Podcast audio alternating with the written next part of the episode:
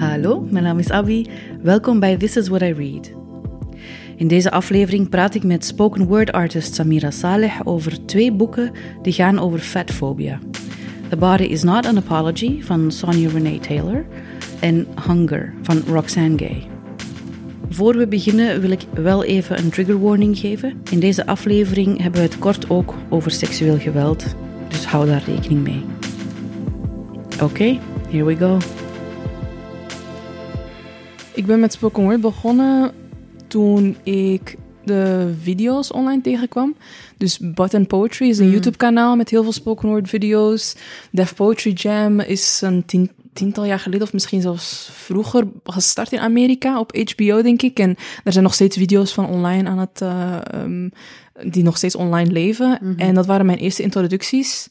En ik, ja, voor mij, voor iemand die in Mechelen, eh, naar Mechelen verhuisd is en Mechelen woont en heel anders is en alternatief, maar niemand heeft, niemand kent om het erover te hebben, over voller zijn, over racism, over je religie was spoken word, zo de perfecte platform daarvoor. Het zijn zo van die korte video's eh, waar het echt bijna de norm is om het te hebben over je struggles, Mhm. over racism, over ehm, mm, je intersectionele identiteiten, waardoor je in de marge leeft. En ook voor mij was het ook een hele goede tool om te leren over bijvoorbeeld de LGBTQIA plus issues. Ja. Ik, ik was, ik denk dat ik nooit homofobisch was, maar ik wist er gewoon heel weinig over. Ik wist Mhm. gewoon dat ik het niet oké vond dat people homofobisch waren, maar ik wist er super weinig over. En dan leer je er heel veel over, want spoken word gaat dan ook gelijk met ehm, social justice issues. Ja. Ehm, dus je leert er ook gewoon onwijs veel bij. Dus ik voelde mij gewoon gelijk thuis. En toen begon ik zelf ook te schrijven. Nu, je bent eh, ook bij ehm Mama's Open Mic terechtgekomen. Dus ik ben mede-organisator van Mama's Open Mic. Dat is een open mic platform gestart in Antwerpen. Ehm, voor, ehm, ja, dat is een laagdrempelige manier voor artiesten om te werken aan hun kunst, om hun kunst te delen met andere mensen, om like-minded people te leren kennen. Dat is ook sinds een jaar in Brussel. Dus ik ben daar actief als mede-organisator, als coördinator.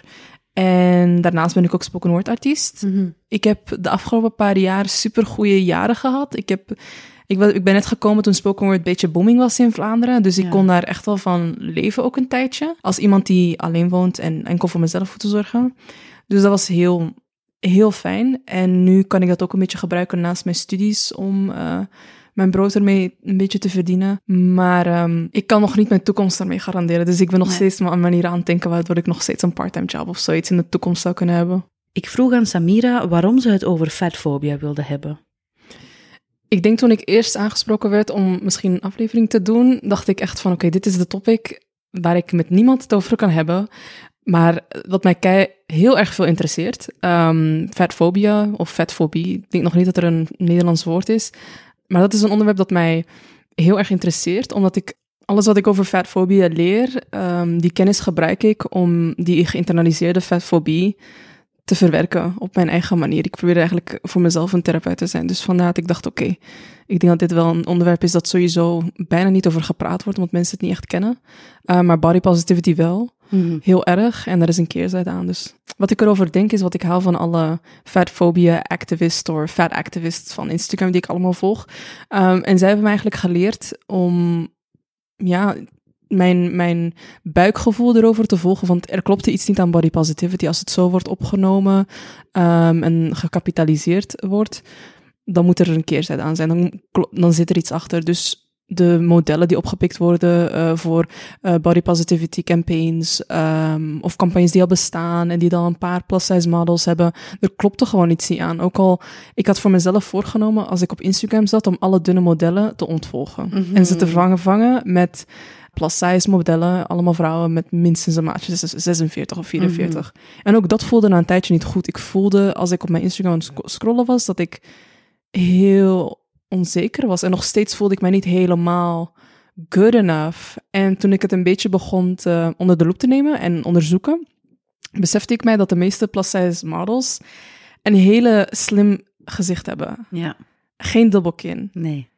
Hun lichaam mag zo groot zijn zoals ze ermee geboren zijn, maar hun, lichaam, hun gezicht moet nog steeds soort van confirmeren met de standaard, de westerse standaard. Ik heb ook de indruk dat al die plus-size modellen wel een heel strakke buik hebben. Toch? Ja, dat is toch... I agree, I agree. Ik heb hetzelfde gevoel. Ik heb het gevoel dat ze allemaal geen dubbelkin hebben, geen onderkin. Dus een hele slimme gezicht hebben.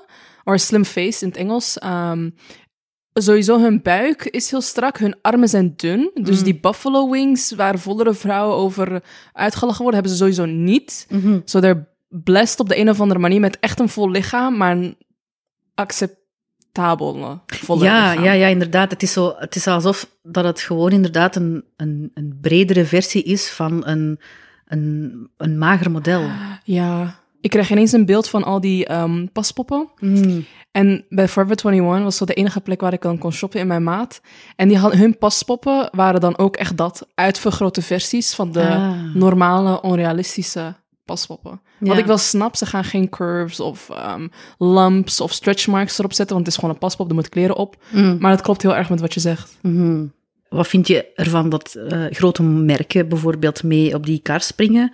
Ehm, kunnen zij die beweging pushen of is het vooral om te cashen? Ehm, ik denk vooral om te cashen. Ik denk echt vooral om te cashen. Tegelijkertijd kan ik niet... Ja, ik moet eigenlijk mijn buikgevoel daarbij volgen. Ik heb zoiets van, als ik mijzelf echt heb gevonden na de hele body positivity movement en het feit dat grotere merken dat opnemen en ik daardoor vaker goedkopere kleding in mijn maat kan vinden, dan ben ik daar blij mee. Maar ik weet ook dat hoe ik mij zo onzeker voel door naar plus-size modellen te kijken, dat jongere vrouwen, jongere mannen die daarmee opgroeien, hè, de volgende generaties, of nu al dat te zien krijgen, dat die dat ook gaan hebben van oké, ik mag er zijn.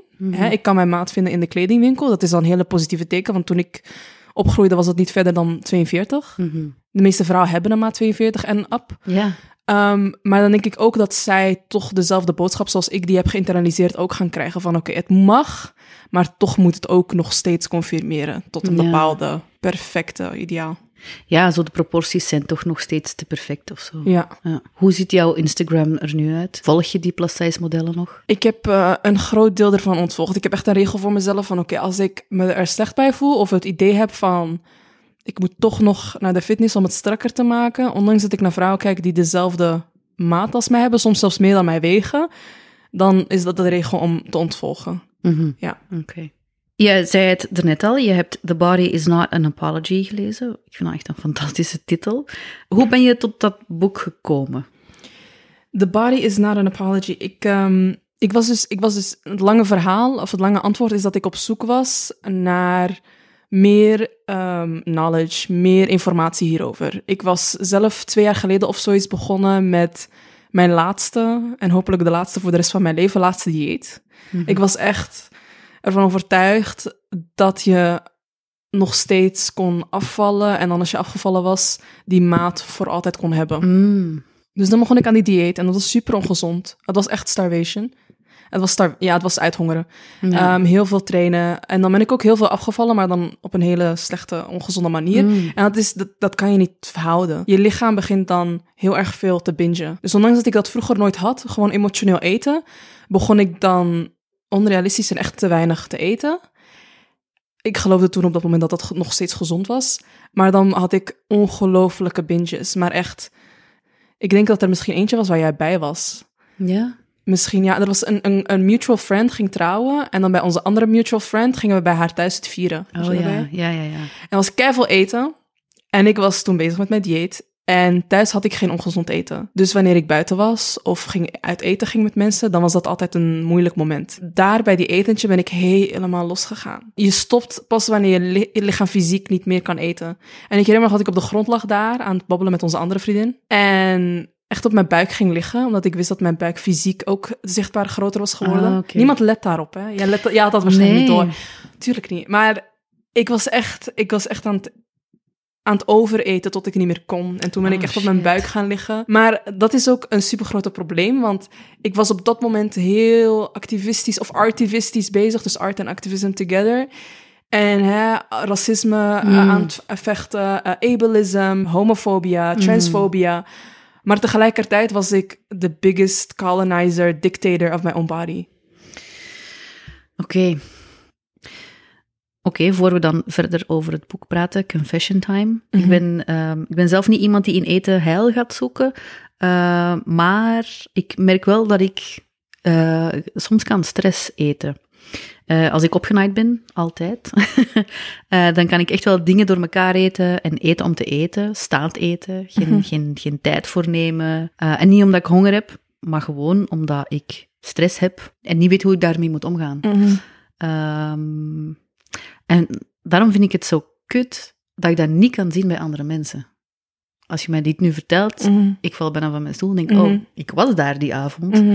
En dat ik dat zelf gewoon niet merk. Ik denk dat mensen op hun eigen manier soms worstelen met hun eigen gedachten soms, maar ook fysiek met hun eigen lichaam. En dat is een oorlog die je alleen voert. En niemand om jou heen is daarbij verantwoordelijk voor. You know, eh, dat is ook iets als je privé mee worstelt en vecht. Maar ik denk van zodra mensen dat doorhebben, wanneer, ze, wanneer je ongelooflijk veel bent afgevallen of zoiets, dan krijg je nog steeds complimenten Mm. ervoor. Ik kreeg toen op dat moment complimenten ervoor, van dat ik eh, echt afgevallen was en, en- en zo. En mijn gezicht zag er beter uit. Ik kreeg complimenten van iedereen. Op dat moment zag ik dat als bevestiging van oké, het wordt ook sociaal aanvaard. Mensen weten op dat moment niet dat ik het op een ongezonde manier heb gedaan. Ik vind het echt kut dat ik dat niet heb kunnen zien en ik wil mij daar wel voor verontschuldigen. Heb ik het gevoel. Jawel, omdat ik, omdat, ik, omdat ik dat zelf ook ken, snap je? Ja. Als je dat al niet kunt gaan herkennen bij andere mensen, oef, dan ben ik te veel met mezelf bezig. Ik ga niet akkoord. Ik, ik, vind het, ik vind het heel mooi, maar ik ga niet akkoord. Ik denk dat het misschien zou helpen als we die dingen, die onderwerpen meer bespreekbaar zouden maken. Ik kan wel met mijn vriendinnen erover hebben, of een vriendin die op achterkomt dat ze een allergie heeft of zoiets, die kan er wel over hebben dat ze haar eetpatronen en zo moet aanpassen. Dus dan ben je er heel erg wel van bewust. Maar dingen zoals afvallen wordt nog steeds aangemoedigd. Dus op welke manier dat ook doet, wordt aangemoedigd. Dus ik denk pas als mensen fatfobia doorhebben en hoe erg het geïnternaliseerd is door Ja. iedereen. Dunne mensen merken het niet omdat ze het niet hoeven te merken, maar ze lijden er zelf wel onder, want ze willen niet dik zijn. Maar ik denk pas als dat gebeurt, dan kun je echt gesprekken erover hebben en dan hoor je ook van, ah ja, ik ben aan het afvallen. En dan kan je ondervragen, oh ja, en hoe en waarom? En nu, nu kan ik dat veel beter afvallen, is like, er is geen... We, we kunnen de discussie hebben over of het medisch verantwoord is. Like in sommige geval- gevallen wel, maar de meeste niet. Mhm, En mm, doctors can also be very fatphobic. absoluut. En ik heb daar ook heel veel van geleerd. Dus this is a good step. Oké. Terug naar het boek. Wat zijn zo de dingen die je, die het meest zijn opgevallen of die zijn bijgebleven? Dit boek is ehm, een soort van self-help boek. Ehm, het is ontstaan nadat Sonia Renee Taylor, ook een fellow slam poet of spoken word artist, een tekst erover heeft geschreven. Ik heb er veel uit geleerd. Het is echt een, een pleit of een pleidooi voor eh, radical self-love. En ik vind het heel mooi dat ze het echt heeft over radical self-love. Niet zelfvertrouwen, eh, niet self-acceptance, maar echt radical self-love. En ze, ze ligt dat heel mooi toe. Waarom het radical self-love is en, en niet de andere eh, self-esteem of, of Hmm. eh, self-acceptance. Want dat zijn fleeting things. Af en toe heb je heel veel zelfvertrouwen of heb je een dag dat je je keihard voelt over jezelf. Maar dat kan niet de enige... Dat, je kunt daar niet naar streven, want niet iedereen is altijd Mhm. confident of heeft altijd zelfvertrouwen. Dus die radical self-love is echt radicale zelfliefde voor jezelf, maar ook voor anderen. Ze had vier pijlers ehm, om haar pleidooi te, te versterken. En dat was taking out the toxic, mind matters, unapologetic action en collective compassion. En ik zal, ik zal er maar een paar echt toelichten, want ik vind echt dat iedereen het boek moet lezen. Ehm, collective compassion. En ik vond het een hele mooie. Ik denk, een van de ehm jammere dingen aan fatfobia dus bijvoorbeeld als ik terugdenk aan de tijd dat ik enorm veel aan diëten was, het zegt heel veel over hoe je denkt over jezelf, maar in een even nastier way ook over anderen. Voor mensen die wat voller zijn, herinneren zich vast wel het gesprek dat ze ooit hebben gehad met iemand die dunner dan hen is, wanneer zij het hebben over dat ze echt moeten afvallen. En dan zeg jij van, ja, kom op, weet je, maak je daar niet druk over. Als jij Mm. moet afvallen, wat moet ik dan doen? En dan kreeg ik altijd als antwoord, maar jij bent lang, don't worry about Oh, it, really? you're tall, nee, je body just... Je ba- en ik zo, nee, dat klopt niet, because if I'm taller en ik weeg hetzelfde, dan zou ik nog dunner moeten uitzien. Dus ja, maar dat, het is niet gebaseerd op logica. Ik denk ook terug aan toen ik wilde afvallen van, oké, als ik zo enorm veel mijn lichaam haat en ik, ik moet echt toegeven, er zijn momenten geweest waar ik dacht van, school is zelfs niet belangrijk. Ik moet afvallen. Ik moet, ik moet dat perfecte of minder dikke lichaam hebben, want het Ja. is attainable en het is mijn verantwoordelijkheid om dat te doen. En zo niet, weet ik zelfs niet of ik wil leven in dit lichaam. Echt? Ja. Ik heb nooit suïcidale gedachten gehad, maar ik dacht wel Nee. van, ik, ik geloof er niet in dat ik wil voor de rest van mijn leven wil leven in het lichaam. En het was dan een mooie motivatie, want dat wordt dan gezegd, hè, van, kom maar, je gunt jezelf toch die mooie, frisse lichaam en look. En... Dus het is fucked up, want als je zo denkt over jezelf, wat denk je dan over andere mensen die voller dan jou zijn? Dus ik was op dat moment, ik moet echt verantwoordelijkheid nemen. Ik was super activist bezig. Ik was in een scene van mensen die allemaal aan het vechten waren tegen capitalism, tegen power in de verkeerde handen, eh, tegen oppression of all kinds. Maar daar zit ik dan stiekem in een hoekje alleen mijn lichaam aan het haten en stiekem ook andere mensen hun voller lichaam aan het oordelen. Shit. Ja. Hoe, hoe heette die pijler? Collective compassion. En ze legt dan ook in het boek uit hoe je dat zou kunnen, kunnen bereiken. Ja, ze heeft, het, ze heeft het er eigenlijk op die manier over. Ook hoe ik het zeg. Ik wist dat eigenlijk al voor ik het boek las. Maar daar eigenlijk over van... Als je, als je radical self-love wilt bereiken... Wat het ultieme doel is... Hè, je gaat niet altijd gelukkig zijn. Het gaat niet altijd een doel zijn die je kunt bereiken. Het zal Mhm. een lifelong journey zijn.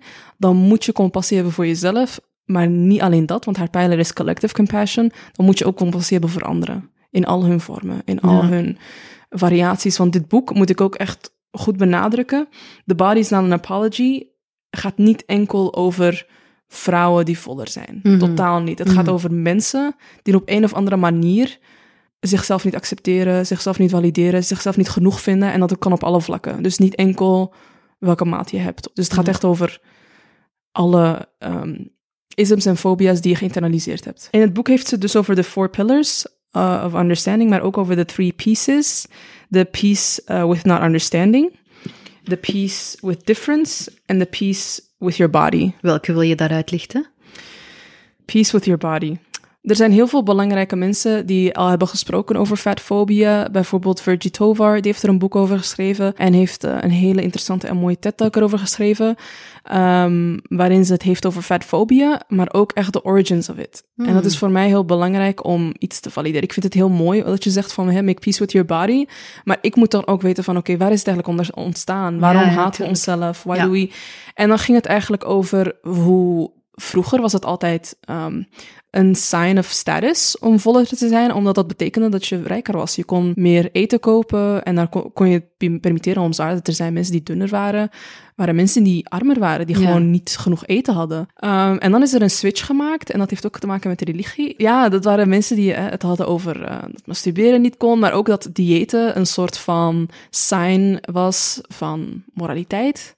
En dat is eigenlijk waar het is ont- ontstaan. Kellogg's, geloof ik, was ehm, niet een cornflakes zoals we het vandaag zo goed kennen, maar ik denk door hem opgericht, like as a form of diet. Dat was een manier om purity ehm, te attainen. En ze heeft zoveel prachtige dingen benadrukt, waardoor ook het ontstaan van Weight Watchers, het ontstaan van vrouwen die de focus legden op hun lichaam, want in Mm. de jaren 40 waren ze nog aan het werken toen de mannen in de oorlog zaten. En dan moest er een switch gebeuren en moesten ze thuis zitten en focussen op de kinderen, focussen op hun man, focussen op het huishouden en focussen op hun lichaam. Dus dat voor mij gaf heel veel clarity van, oké, dit is iets waar ik heel mijn leven lang al heb geïnternaliseerd en boodschappen van krijg. Je moet dunner zijn. Eh, dunner zijn betekent dat je mooier bent. Mooier zijn betekent dat je makkelijker kans hebt om een man te vinden. En dan zo één TED-talk of één eh, eh, interview van haar te zien, dat alles in kaart of op, een tijdlijn zette, zorgde ervoor dat ik echt deel kon zien voor wat ze waren. Van oké, dit is this is true. Eh, je sprak er net over Weight Watchers. Ik heb altijd een ehm, ambigu gevoel gehad bij Oprah Winfrey, die Weight Watchers zo, ehm, ja, zo backt, die haar, haar imago daaraan leent. Want ik vind Weight Watchers, ik vind dat niet zo'n gezond programma. Het, het- is ook niet gemaakt om mensen gezonder te maken. Het is, het is weer zo een bedrijf dat gewoon winst wil maken. Het heeft aandeelhouders, er moet winst gegenereerd worden. Dat iemand zoals zij achter Weight Watchers gaat staan, die nog niet zo lang geleden eh, onder vuur kwamen, omdat ze een, een weight loss program voor kinderen hadden bedacht. Oh, wauw. Eh, dus een app waarmee kinderen ehm, dus konden aangeven, zoals het puntensysteem, van, ah, met, maar dan met kleurtjes of zoiets van, ah ja, eh, dit is hoe ik dan moet afvallen. Oprah is iemand die heel rijk is geworden door een hele slimme businessvrouw te zijn, door een fantastische host te zijn voor haar eigen show, Uh, maar ook echt vanuit het uh, standpunt van if I can do it, you can do it too. Dat is wat dat individualisme, hè? Ja, maar, Maar, dat is echt haar hele show. Ja. Echt 20, 30 jaar lang van haar show heeft ze het nooit gehad over ehm, het systematisch eh, hoe zou ik het zeggen? Ik, ik noem maar een voorbeeld. Hè. Het, uh, klassieke voorbeeld van het systematisch um, gevangen nemen van zwarte mannen ten mm. opzichte van witte mannen. Mm. Maar dan neemt ze wel een verhaal van een super inspirerend verhaal, ja. waardoor je toch nog de inspiratie en motivatie kan vinden om toch nog door te gaan. En dan ja. denk je echt dat het aan jezelf ligt. Dus dat is best wel fucked up. Dus je is super neoliberal en ja. Ik heb geleerd dat het lichaam waar je in bent geboren, het gewicht ervan, soms even onveranderbaar is als iets zoals je lengte. Ik bedoel, dus je mm. kunt vechten met je gewicht. Je kunt 10, 20, 30 kilo afvallen. Maar je lichaam, zoals mijn lichaam dat deed toen ik het laatst ging diëten, gaat dan in, in, in, in, in een staat van starvation zitten. Waardoor je lichaam, wanneer het eten ziet, alles gaat doen om het binnen te krijgen, omdat het niet natuurlijk is voor je lichaam om dunner te zijn dan wat het is. Dat is bijvoorbeeld waarom dunnere mensen um, super slecht kunnen eten. We kennen super veel voorbeelden daarvan. Uh, maar nog steeds heel dun kunnen zijn. Mm. En perfect in het ideaal passen. En jij, die dan ook hetzelfde doet en misschien zelfs minder eet dan hun, toch voller bent en een paar maatjes groter hebt of mm. op plus size woman bent. Want vroeger dacht ik dat altijd van, oké, ik, eet, ik eet duidelijk meer, want anders zou ik niet zo eruit zien. Als ik minder at, dan zou ik eruit zien zoals mijn thin friend. Dat is iets dat ik in mijn gedachten had, dat ik, of ja, in mijn subconscious, dat ik echt als waarheid beschouwde. Maar toen ik dat leerde, en ook leerde hoe schadelijk het is om af te vallen, ja, af te vallen in general. Want je lichaam gaat op de een of andere manier toch nog, um, hoe zou ik het zeggen, je lichaam gaat op de een of andere manier toch nog weerstand tonen en terug willen komen op zijn normaal gewicht. Ja, het corrigeert zichzelf, hè? Ja. Ja. Maar het is wel een interessante om, om, te, om, om naar je gewicht te kijken zoals je kijkt naar je lengte. Het is gewoon wat het is. Je kan er zo weinig zelf invloed op hebben. Mhm. En om dan terug te komen op Oprah Winfrey. Zij is een businessvrouw, dus het is super slim om in iets te investeren waarvan je weet dat mensen er naartoe blijven gaan terugkomen, omdat ze niet kunnen afvallen. Maar wanneer ze niet kunnen afvallen, wordt het sociaal aanvaard om de schuld bij jouzelf te leggen. Dus dat is een winstmodel. Mhm. You cannot lose. Als mensen slagen in het programma, dan slagen ze voor een korte periode. Dan hebben ze effectief verloren. Maar dat zal nooit zo zijn als je die mensen opvolgt na vijf jaar. Dus you're winning anyway. En dan wanneer ze... Dat heb je met, die, met dat programma The Biggest Loser ook, hè? Uh, de mensen die dan zo echt... Ja, dat was mijn motivation toen ik 15 was. Ja? Dat was mijn motivation. Maar heb je het ook gezien als ze de mensen opvolgen achteraf? Ja, En het is gewoon, ze zijn alles, ze hebben alles teruggekregen en soms zelfs meer, hè, omdat het lichaam zich zo corrigeert. Ja. Dus je moet aan dat tempo, zoals in het programma, eh, diëten en sporten, want anders gaat het sowieso terugkomen. Ja, je kunt altijd jezelf de schuld geven. Dus mensen kunnen daar blijven van geld uit verdienen. En het is een huge, huge multi-billion dollar business. Absoluut, ja. Wat heeft uh, Sonia Renee Taylor geschreven over body positivity? Um, dus een van de dingen waar zij het over had uh, in haar vier pijlers was Media Matters. En ze schrijft: In this blossoming age of body positivity, it is trendy to profess our undenying body love. We treat body positivity as though it is a trophy we can only receive when we reach some state of self love enlightenment. Body shame is about as unfashionable as the rollers and bathrobe my mother would occasionally pick me up from school wearing, and yet for so many of us, it is still our truth. It can be maddening when we see the ways in which we remain stuck on the carousel of our negative beliefs about default bodies and difference. We rage at ourselves about why we can't seem to crack the clay of body shame. Ja, dat is wel sterk. Ja. Waarom is dat jou bijgebleven? Um, omdat ze eigenlijk, die, die, die pijler begint met the first is a condition one of my workshop participants call meta-shame. This is a state of feeling shame for feeling shame about your body. Doesn't it sound exhausting? En ik vond, dat, ik vond dat een hele mooie pijler, omdat ik denk dat is sowieso iets waarover gesproken moet worden. Hè? En vooral nu, omdat het zo'n hip onderwerp is. Um, media, media does matter, you know. Um, je internaliseert het van heel jongs af aan. Je internaliseert het wanneer je gaat winkelen en ik zie een maat vindt. Want dan, ja, dan besef je echt dat er echt geen ruimte voor jou is. Like, fysiek is er geen ruimte voor jou. En wanneer je die boodschap, um, die door iedereen geaccepteerd is, aanneemt, dan denk je echt dat je moet afvallen, omdat er is een manier om dun te zijn. Hmm. Maar het is niet zo. The world is fucked up, not you. Dus dat vond ik wel mooi dat ze dat uh, heeft toegelicht. En er ook echt een van haar pijlers maakte. In haar zoektocht naar radical self-love. Ik heb bijvoorbeeld een fitnessabonnement gehad sinds dat ik 14 jaar was. Tot mijn 24. En dat was een heel, heel, heel belangrijk moment voor mij. Dat was echt een official ik, ik, ook al ging ik niet fitnessen, ik moest een fitnessabonnement hebben, zodat ik mezelf, met mezelf de afspraak maakte van ik ga op zoek naar hoe ik dun kan zijn, want dat is die ultimate achievement, ook al ga ik maar vier keer in het jaar. Oh, dat ben ik ook. En toen ik die fitnessabonnement echt heb geannuleerd, besefte ik echt van oké, ik ga niet, ik ga niet fitnessen. Dit is echt een bewuste keuze. Ik ga het niet doen. Ik ga alles eten wat ik wil. En dat was een, een, een hele enge. Want ik ben tien jaar lang met dit bezig. Ik ga ervan uit dat ik op een bepaald moment eindelijk die motivatie ga vinden. Want soms is het gewoon een klik, zoals mensen zeggen. Het is echt binnen handbereik. Ja.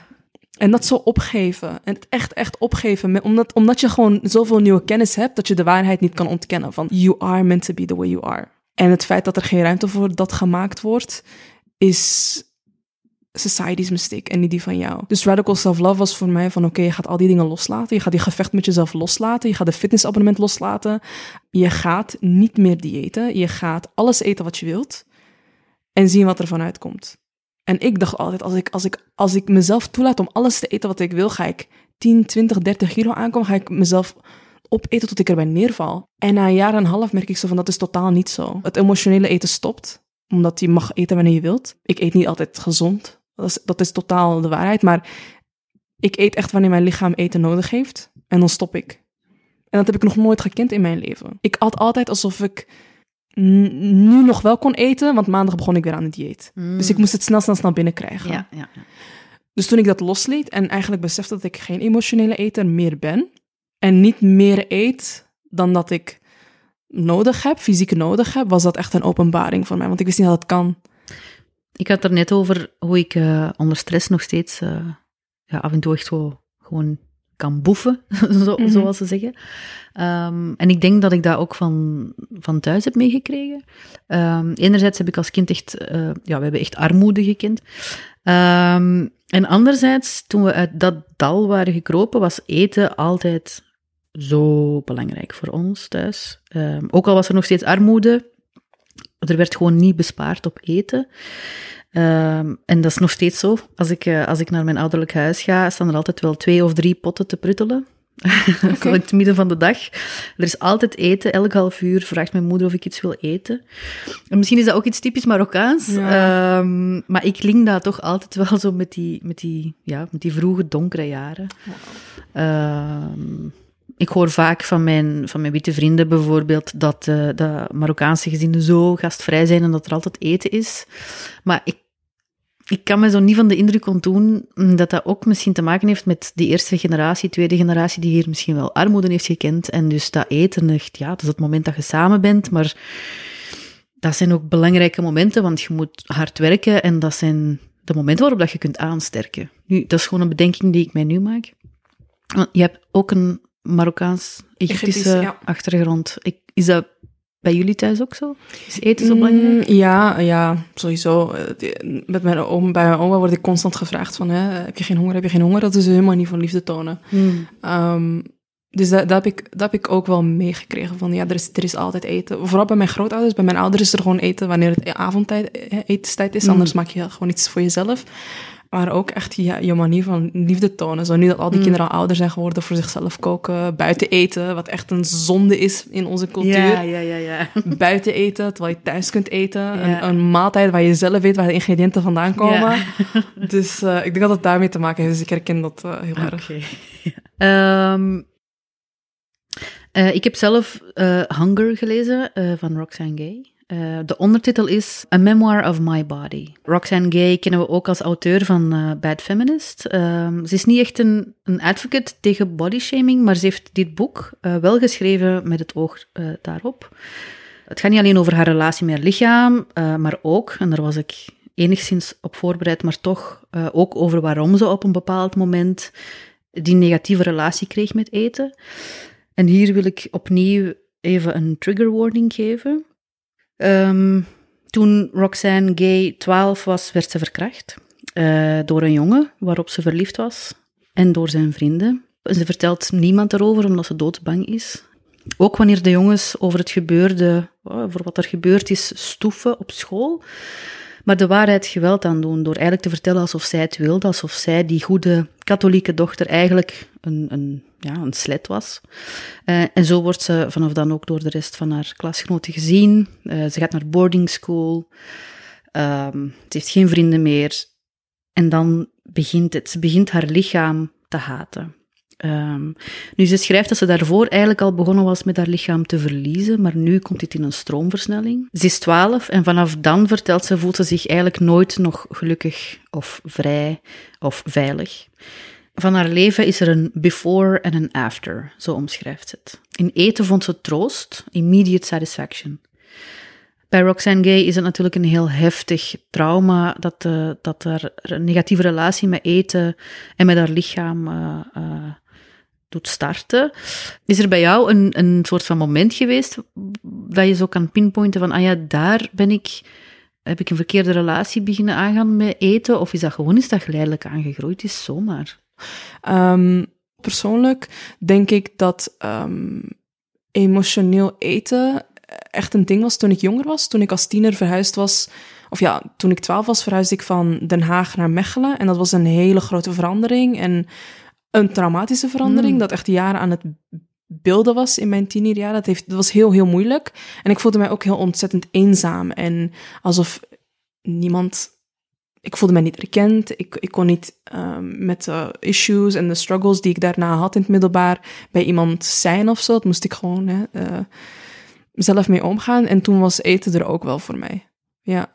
Mhm. Maar dan naarmate ik ouder werd en naarmate ik dat, dat ik die dingen ook een plek gaf, veranderde mijn relatie met eten. En dan was het vooral van altijd naar de volgende dieet. Altijd mm. onderweg naar de volgende dieet. En dan probeerde ik het wel gezond te doen en gezonder te eten, omdat ik dan had geleerd dat dat de meest long-lasting oh, ja, ja, way was en zo. Toen ik echt nog geloofde dat afvallen voor mijn ding was, want ik, ik geloofde echt van, oké, ik weeg, ik weeg, ik denk dat ik 100 kilo weeg, of net iets onder. En ik wilde voor mezelf, ik wilde echt 70 kilo zijn of zo. Mm, ja, ja. Had ik fantasie over hoe ik eruit zou zien. En ik heb ook heel veel, heel veel tijd eraan verloren, omdat ik zo altijd dingen uitstel tot ik zou afvallen. Echt? Ja. Ben je daardoor dingen kwijtgeraakt? Niet concreet. Um, toen ik jonger was wel. Toen ik jonger was zeker. Maar zo, toen ik in mijn 20 was, 20's was minder. Ik weet eigenlijk niet of dat altijd zo is. Maar ik denk, ik denk het misschien wel. Ik denk van lichaamsdysmorfie hebben, um, een, een, een fucked up manier hebben van eten, dat komt niet uit het niets. Want als, het, als, als, als je gewoon zo geboren zou zijn, ja. dan weet je van oké, okay, ik eet. Eten heeft een doel. Dus je eet wanneer je honger hebt. Ja. En dan wanneer je vol zit, eet je niet meer. Ja. Dus het is pas dat daar een soort van verstoring komt in die structuur, wanneer er iets is gebeurd um, dat jou het idee geeft, dat je dan internaliseert, dat je met eten iets kan veranderen mm. en je leven beter zou kunnen maken. Of, of anders, ik denk in Roxane haar geval was het, geloof ik, dat ze dan at om minder aantrekkelijk gevonden te worden. En dan minder. Duur. Ja? ja? dus in het begin is het begonnen um, als een vorm van troost, want ze kon ja. niet met dat geheim terecht bij iemand. En dus om, om zichzelf te troosten, at ze en at ze en at ze. En ze bleef eten, eten, eten. Maar ondertussen veranderde haar lichaam en ze vond zichzelf al afschuwelijk door wat er gebeurd was. Haar, lichaam had haar eigenlijk teleurgesteld. Mm -hmm. uh, en ze is natuurlijk ook ze is heel groot. Ja. Ze is heel erg aanwezig en, en door te eten en aan te komen, uh, ja, kon ze niet meer om haar lichaam heen. En op den duur ja, wordt dat dan niet meer zozeer iets om, om, om je te troosten, maar uh, om, om jezelf te, te straffen. Mm -hmm. uh, ze schrijft ook op het einde van ik ben nog steeds aan het diëten en af en toe probeer ik nog steeds eens te sporten, maar ja, het begint zo pijn te krijgen aan haar knie en haar enkel is gebroken zonder dat ze wist dat dat gebroken was. Dus dat soort, dat soort um, ja, hoe mensen bijvoorbeeld met haar lichaam omgaan op public transport. Ze zegt van ze duwen mij uit de weg, alsof, ik, alsof, alsof mijn vet mij beschermt van enige pijn, maar ik ben constant in agony. Ik heb mm. constant pijn. En, en ook, al is, ook al neemt ze zoveel ruimte in en is ze zo erg aanwezig, zoals sommige mensen zeggen, is ze, is ze eigenlijk intimiderend. Ja. Tegelijkertijd zien mensen haar niet. De struggle van zo erg fysiek aanwezig te zijn en dan tegelijkertijd genegeerd worden. Ja. Dus ze was heel erg bang toen dat ze voor het eerst gepubliceerd ging worden, omdat ze wist van, ja, kijk, nu ga ik in de Foto's. kijker lopen. Ja, inderdaad. Sanja Renee Taylor had ook in haar boek verwezen naar hoe verfobia voor iedereen zichtbaar is. Um, voor mensen die dun zijn, is het zichtbaar in, op een manier dat ze weten dat ze iets goeds hebben gedaan door wel dun te zijn en niet dik te zijn zoals de rest. En de gevolgen die er kunnen zijn als ze dik worden. Waardoor je altijd, hè, dat het is sociaal aanvaard om een New Year's resolution te hebben. Of te zeggen van, goh, ik, moet, uh, ik ben een maatje bijgekomen of zo, het moet er weer af. Dat is sociaal aanvaard. En voor mensen die echt voller zijn, zwaarder um, en fysiek zichtbaar voller zijn, um, is, het, is het nog meer apparent. Mm. Zij zijn, ze weten en de straf die ze ervoor krijgen, ze internaliseren het, Mhm. En ze moeten iets actief doen om het te veranderen. Damn, het is een double struggle. Sinds ik eh, zoveel ben bijgekomen, want ondertussen gaat dat echt over 20, 30 kilo, ehm, ben ik wel obsessief met eten bezig. Niet zozeer dat ik calorieën tel, dat vind ik echt bullshit. Uh, maar wel dat ik zo probeer te letten wat ik eet. Wat je er net zei, van ja, uh, je moet eten, zien wat er in je lichaam komt, het moet gezond zijn enzovoort. Is het gevarieerd genoeg? Is het groen genoeg? Maar ik, groente vind ik nog steeds heel erg moeilijk. Um, en ik hou echt, ik hou ook echt gewoon van een zak chips en taartjes. Mm -hmm. um, ik zou niet weten waarom ik dat moet laten liggen. Het, ik vind het alleen jammer dat ik bepaalde kleren niet kan of, of wil dragen en dat ik mij dus in, in, in wijde kleren hul. Ik moet daarbij denken aan hoe Roxane Gay in haar boek schrijft hoe ze twee soorten kleren heeft. Er zijn de kleren die ze dagelijks aantrekt. Donkere jeans, zwarte t-shirts en voor speciale evenementen zwarte dress shirts. Dat zijn de kleren waarin ze zich veilig voelt. Ze noemt het haar armor, haar panzer, om de wereld het hoofd te bieden. Het is een uniform. Mm -hmm. En dan zijn er die andere kleren die de meeste ruimte innemen in haar kleerkast, maar die ze nooit aandoet. Ze heeft de moed niet. Ze houdt van fashion, hè, veel kleur, speciale snits, speciale silhouetten, kleren die een decolleté vertonen. En ik wil een stukje voorlezen dat ze schrijft. I have any number of fine dress slacks, and I enjoy staring at them in my closet, so sleek and professional, so unlike me. I dream of wearing a long skirt or a maxi dress with bold, bright stripes. My breath catches at the mere thought of wearing something sleeveless, baring my brown arms. Fierce vanity smolders in the cave of my chest. I want to look good. I want to feel good. I want to be beautiful in this body I am in. En dat heeft mij echt wel, heeft mij echt wel um, gepakt. gepakt. omdat ik dat ook heb. Ik heb ook zoveel kleren die ik vroeger uh, droeg. Uh, vroeger droeg ik echt superveel kleur. Ik heb nu vooral, en ik moet daar echt mee stoppen, want dat is slavernij. Ik heb nu vooral kleren van Kos, uh, omdat die wijd zijn en neutraal en zwart of donkergrijs. En dat is eigenlijk onzin, want ik houd zo van mode. En ik hou die kleren bij, omdat ik denk, ooit, hoe ridicule is dat? Dus toen ik zwanger werd, dacht ik, fuck yes. Ik ga eindelijk trots mogen zijn op die buik, in plaats van die telkens angstvallig in te trekken. Mm. maar waar ik niet op was voorbereid, is dat mensen, en daarmee bedoel ik dus echt vrienden, kennissen, en wildvreemden, vooral wildvreemden, plots luid op commentaar beginnen te geven op mijn buik. Dat die zo groot is en of ik wel zeker ben dat ik geen tweeling verwacht of dat mijn dokter zich niet vergist wow. heeft met mijn uitgerekende datum. Um, I mean, what the hell? Wie zijn jullie? Waarom geven jullie zoveel commentaar? Uh, ik bedoel, er zitten ook vrouwen tussen die nog nooit zwanger zijn geweest. Vrouwen die al kinderen hebben en dus weten hoe het is om met zo'n buik rond te lopen. En er zitten zelfs mannen tussen. Seriously, dude, hou uw muil. Dat is eigenlijk mijn boodschap aan iedereen die een zwangere vrouw ziet. Hou uw muil. Zeg daar niks over. Want je zit al zelf met heel veel onzekerheden. En dan gaan mensen daar nog een schipje bovenop doen en daar commentaar op geven. Ik weet niet. Dat was een beetje een rant. Oh God, ja. Het is niet echt een vraag, het is een rant. Ik vind het echt heel goed dat je hierover echt een statement maakt. Um, ik, kan, ik kan echt niet inbeelden dat iemand heeft gezegd... Abi, ben je wel zeker dat het de juiste uitgerekende datum is? Yes. How dare you? En tegelijkertijd denk ik van, het is jammer genoeg best wel te verwachten, omdat vrouwenlichamen en hoe ze eruit zien public domain is. Ja. Echt public domain. Om over te praten, om over te discussiëren, om over te oordelen, om zelfs al van mannen, om, om, om, eisen erop te stellen. Maar ik weet ook niet hoe ik op die mensen moet, moet reageren, want ik sta altijd gewoon versteld. Of ik doe soms zo even, maak ik zelf op voorhand een grapje en dan denk ik, the fuck? Ja. Waarom doe ik dit eigenlijk? Ik, um, ik volg dus heel veel mensen op Instagram. Ik volg Instagram-pagina's van uh, fat fertility, van vrouwen die uh, voller zijn. En, Oh, ja. Of fat, dat is ook Ja. heel politiek, om gewoon het woord vet te gebruiken. Vrouwen die vet zijn, die proberen zwanger te worden of al zwanger zijn. En hele fatfobische advies krijgen van hun medische Ja. eh, eh, professionals. Ehm, en er is een hele Instagram-pagina over, omdat het altijd, omdat het altijd ehm, aangeraden wordt eh, voor fat women. om als ze te wil- willen zwanger worden, om eerst af te vallen. ja, dat werd mij ook aangeraden. Oh, fuck. Ja, ja, ja. What the fuck? dat is echt fucked up. Ik vroeg mij af, want we hadden het er straks ook heel kort even over eh, Roxanne Gay, die bijvoorbeeld op public transport, ook al is ze groot en aanwezig, tegelijkertijd is ze onzichtbaar en wordt ze heen en weer geduwd. Ik vroeg mij af, want jij bent ook groot ehm, en je draagt een hoofddoek. Hoe interageren mensen met jou op straat bijvoorbeeld, of in een ruimte? Ehm, dat is een hele goede vraag. Ik ben zelf 1,78 meter, 1,77 meter. Ik draag een hoofddoek op een fashionable manier in de vorm van een turban. Ehm, en ik heb een maatje 46, dus ik ben, ik ben voller, ik ben echt aanwezig. Ehm, en ik heb dat inderdaad ondervraagd ehm, naar aanleiding van andere mensen, zoals Roxanne Gay, die het zelf benoemt. Dacht ik van oké, ik voel eigenlijk dat ik ook heel erg aanwezig ben.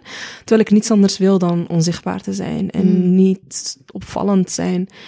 En af en toe heb ik wel het zelfvertrouwen om echt iets bold en, en fashionable te dragen. En sinds recent ook hakken. Ja. Ehm had ik gewoon rock. Ehm, voor mij is het, ja, voor mij is het heel, heel apart, omdat ik niets anders wilde dan onzichtbaar te zijn. Totdat ik dun was. Want ik Mm. had een hele leven voor mezelf gepland als ik dun was.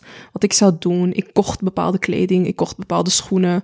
Ehm, voor wanneer ik zou afvallen. Oh ja, ja, ja. Oké. Dan- Ja, there, done that. Ja. Ah, ik, heb echt, ik heb echt een tijdje gehad dat ik kleren kocht in één of twee maatjes kleiner als motivatie. Gelukkig heb ik een nichtje, die, een, we lijken heel erg op elkaar. Ze is alleen korter dan mij. Maar voor de rest is zij iemand, zij is iemand die niet dezelfde struggles heeft gehad met haar lichaam. Zij is ook iemand die la- op latere leeftijd ook veel aangekomen.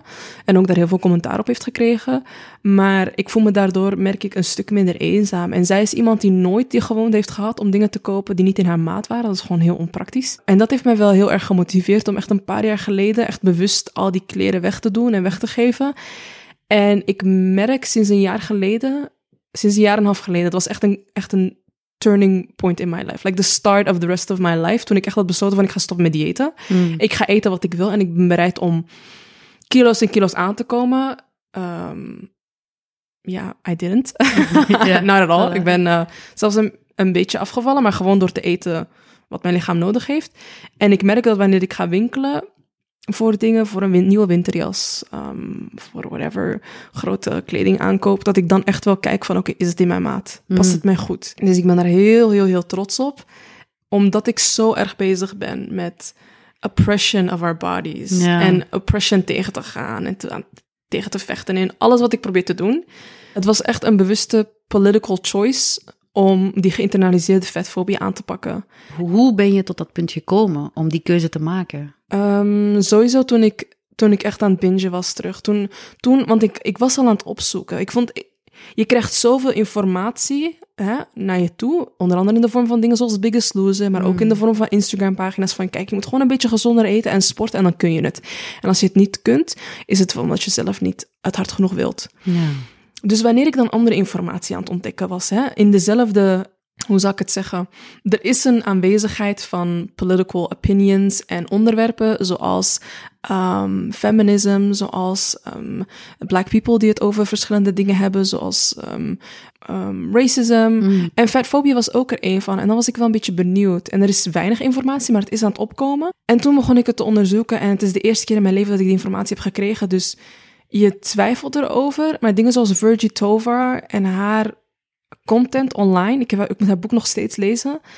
Die, die geschiedenis van diëten, die Mm. oorsprong van fatfobia. Om dat te kennen, was voor mij en in alles wat ik doe, de klik die ik nodig had. Om echt zoiets te hebben van, dit kan niet. Je kunt niet, je kunt, je lichaam is bedoeld om een bepaalde maat of gewicht te zijn. That's it. That's the baseline. You can Mhm. deny it all you want. Medische professionals die je verwijzen naar je BMI om af te vallen, die je aanmoedigen om af te vallen, überhaupt, is super fatphobic. En daar is Mhm. bewijs van. Daar is onderzoek naar gedaan. Dus al die dingen was op mijn eigen manier wat ik nodig had om die Ja. klik te maken. En toen ik die klik had gemaakt, was het echt a weight off my shoulders. Ik was niet meer aan het wachten tot Ja. ik ging afvallen om iets te doen. This was it. Dus de stretch marks ac- accepteer ik. De buffalo wings accepteer ik. Ehm, ehm, wat nog? Ehm, mijn lichaam, mijn benen, de, de vormen die ze hebben, gewoon accepteren. En dat is super radical. En van zodra ik die politieke keuze had gemaakt, everything changed. Of everything stayed the same, maar gewoon het accepteren. You changed. Ja, ja. Weet je wat ik interessant vind, of eigenlijk heel erg benieuwd naar ben? Wat als ik weer besluit om gezonder te zijn? Want het is wel mijn intentie om terug te gaan sporten, één of twee keer in de week. Voor het eerst in mijn hele adult life. For the sole purpose of being healthy. Over welke sporten gaat het dan? Sowieso geen fitness. Fuck de Fuck fitness. fitness. Oké, dat is Fuck goed. basic fit. Fuck hun. Maar zo kickboksen, ik niet zo zwemmen of zoiets of badminton. Maar ik vraag me af hoe ik daarmee omga.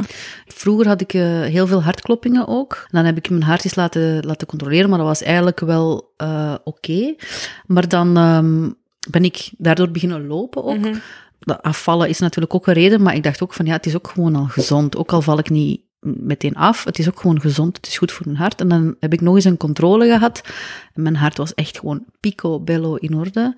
En dat is een hele goede motivatie, Ja. als je gewoon weet, weet van, oké, dat dat, dat komt eigenlijk in een schaal hoger dan ja, afvallen. Want dat afvallen gebeurde niet, want ik kreeg er spieren bij. En, Ah ja, zie, ja. dus dan, je weegt hetzelfde, Ja. maar het zijn dan spieren. Ja. Dus door dat te beseffen van, oké, het gewicht is niet belangrijk, maar wel gewoon ja, je gezondheid en je, Ja. bloed, eh, je bloedsomloop en je hart en je hersenen. Dat maakt voor mij sport veel aangenamer dan vroeger toen ik een fitnessabonnement had en Ja. mij proberen te meten met de, De ander met de naast mensen naast mij. ja, ik heb, ik heb een keer mezelf uitgeput, omdat er een mager meisje op de loopband stond naast mij. Ik was al begonnen, zij begon ook. En we waren eigenlijk, had ik zoiets van, bitch. Staar niet zo naar mij. Dus ik dacht, ik ga gewoon blijven lopen, toch jij er met je, met je tong op de Oh grond God. afvalt. I will beat you on this treadmill. En I beat her. Die is gewoon afgedropen, die is gaan douchen. En ik heb nog een kwartier mezelf uitgeput. Tossen van de parking was verdwenen. En dan ben ik zo met, met waggelende benen zelf gaan douchen. Dus oh, fucked up. Dus dat is er niet meer. Oké, good. Oké. Dus ik kijk er ook wel naar uit om gewoon terug te sporten. ja. Al is het maar een half uurtje lopen, eh, wandelen. Ik vind, het, ik vind het heel mooi dat wij het gesprek hebben, omdat wij allebei onze eigen ervaringen ermee hebben. Maar tegelijkertijd is body image en fatfobia iets dat echt wel invloed heeft op ons allemaal. Maar echt allemaal. Dus dat is iets waar iedereen zich bewust over moet zijn. Net zoals racisme, zo, hè. Oké, nee, ik ben geen racist. It's not the point. If you're a white person, you still benefit from it. And it's Ja. the same with thin people. They still have thin privileges. En op een, tot op een zekere hoogte, ik ook. Ik heb een maatje 46, maar ik, heb, ik ga tot nu toe in mijn leven heb ik nooit problemen gehad met in een vliegtuig Ja, zetel te zitten. Wel in een attractie. Ja, Ja, fuck you Walibi. fuck hem. Maar voor de rest, ik denk Roxanne Gay heeft dan, dat is wel iemand die dan, ik denk als mega fat of zoiets wordt beschreven. Ik ben gewoon een fat woman. Dus ook ik heb daar privileges in. Dus er is echt, er is, Er is superveel. ja. Ja. ja, inderdaad. Ja, ik hoop dat mensen op zijn minst deze twee boeken gaan lezen. Ehm, en dat ze zich ook gewoon inlezen. Want het is ook gewoon... Het, het is gewoon belangrijk dat we allemaal geïnformeerd blijven. En wij zelf ook, hè. Ja, ik denk dat dat een beetje ook moeilijk gaat zijn, want het is zo socially accepted om te willen afvallen en om het normaal te vinden om af te vallen. En dat afvallen zelfs mogelijk is. Hè? Want soms heb je van die succesverhalen. Dus dit gaat echt een soort van fake news ding zijn voor heel veel mensen die Mm. het voor het eerst van horen. Maar is het ook niet de wetenschap die gewoon... Ik hoor nu meer en meer... eh, lees ik onderzoeken waaruit blijkt dat dat gewoon heel moeilijk is om af te vallen, om blijvend af te vallen. Dat het altijd wel gaat om tijdelijke eh, succesjes. Yes. Dus is het niet zo dat er een tendens gaat zijn waarbij de Ja. maat 42 voor vrouwen gewoon de standaardmaat is in plaats van 36? De meeste mensen hebben maatje 42 en 44. Dat is gewoon Ja, een maar, feit. maar, dat, maar, maar, maar in de winkel beginnen ze op 36. Ja, Of man. 34. Ik heb zelfs maat 32 gezien in sommige Bestaat winkels. dat? Ja, bij volwassen vrouwen maat 32. I mean, really, dat is toch niet... Ja, ik denk dat het begint wan- wanneer wij het ehm, eisen. Dus vandaar dat bijvoorbeeld nu bij de Zara eh, tot een maatje 44 gaat. Soms kan ik mij daarin wringen in hun leerjasjes. Maar bijvoorbeeld bij een Primark, eh, I, you know, I'm so guilty. But I'm a poor ass student.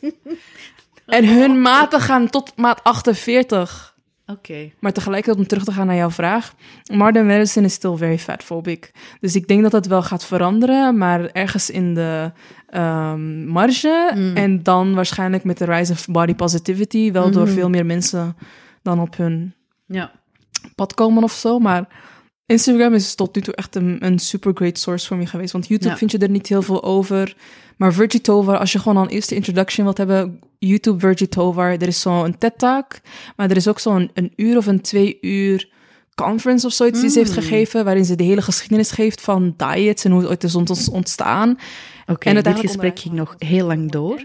Misschien omdat het voor ons allebei de eerste keer was dat we er zo intens met iemand anders over konden praten. Dus dat was wel heel fijn. Maar ik moet natuurlijk ergens stoppen, dus dat is dan hier. Zoals je hoorde ben ik momenteel nogal zwanger. Dat wil zeggen dat This is What I Read op een iets lager pitje wordt gezet. Maar echt stoppen doe ik niet. Vanaf het moment dat we onze draai hebben gevonden, maak ik er opnieuw werk van. Ondertussen kan je je natuurlijk ook abonneren op This is What I Read via Apple Podcasts, Spotify en SoundCloud. Zo krijg je meteen melding van nieuwe afleveringen. En voor we er helemaal uitgaan, Samira bracht tijdens ons gesprek een van haar teksten, een favoriet van mij. Enjoy en tot heel snel. Bye. Okay. This poem is for the love of my life. Food. When I see you sitting there, hot and freshly baked chocolate covered lava cake, I wonder why you're not in my stomach already. If you ask me if I'm hungry, I'll reply always. Men lose weight by getting the proteins out. Women lose weight by putting a lock on the kitchen cabinets, fridge, drawers with all the cutlery, and pantry with all the cookies because our diet won't involve us eating anyway. Some time ago, it was made clear to us that our personality traits and talents didn't matter much if it didn't come in a perfect body. Unrealistic body ideals follow, and a 13 year old is hunched over the toilet, finger down throat, because it's the new cool thing to do. The new no carbs, no bread, juice cleanse diet. Religiously checking labels and counting calories. And yes, I know that there are some things that can't be dealt with with food, but God knows you keep trying anyway. When I'm minding my business, eating a cupcake, as you do, my skinny friend will come up to me and say, Samira, it's a moment on the lips, but forever on the hips. I finish eating my chocolate chipped Oreo topped cupcake, and when I'm done, I eat her too. My body will hold down two meals of Italian pasta, Thai chicken curry, Nutella crepes, and a slice of pizza, but not your shit. I stopped seeking revenge on my own body. Stop blaming it for every bad thing that ever happened to me. Stop letting other people's expectations of what a woman's body should look like hold me back. Stopped internalizing fat phobia, and I guess I should apologize or try and make myself smaller, but it's just that I love myself too much to give a fuck. I love food, and that's okay. Can I get an amen? Can I get an A woman? Can I get an A non binary? Now, can we please stop telling girls they can't eat? Okay? Thank you, Val. Thank you.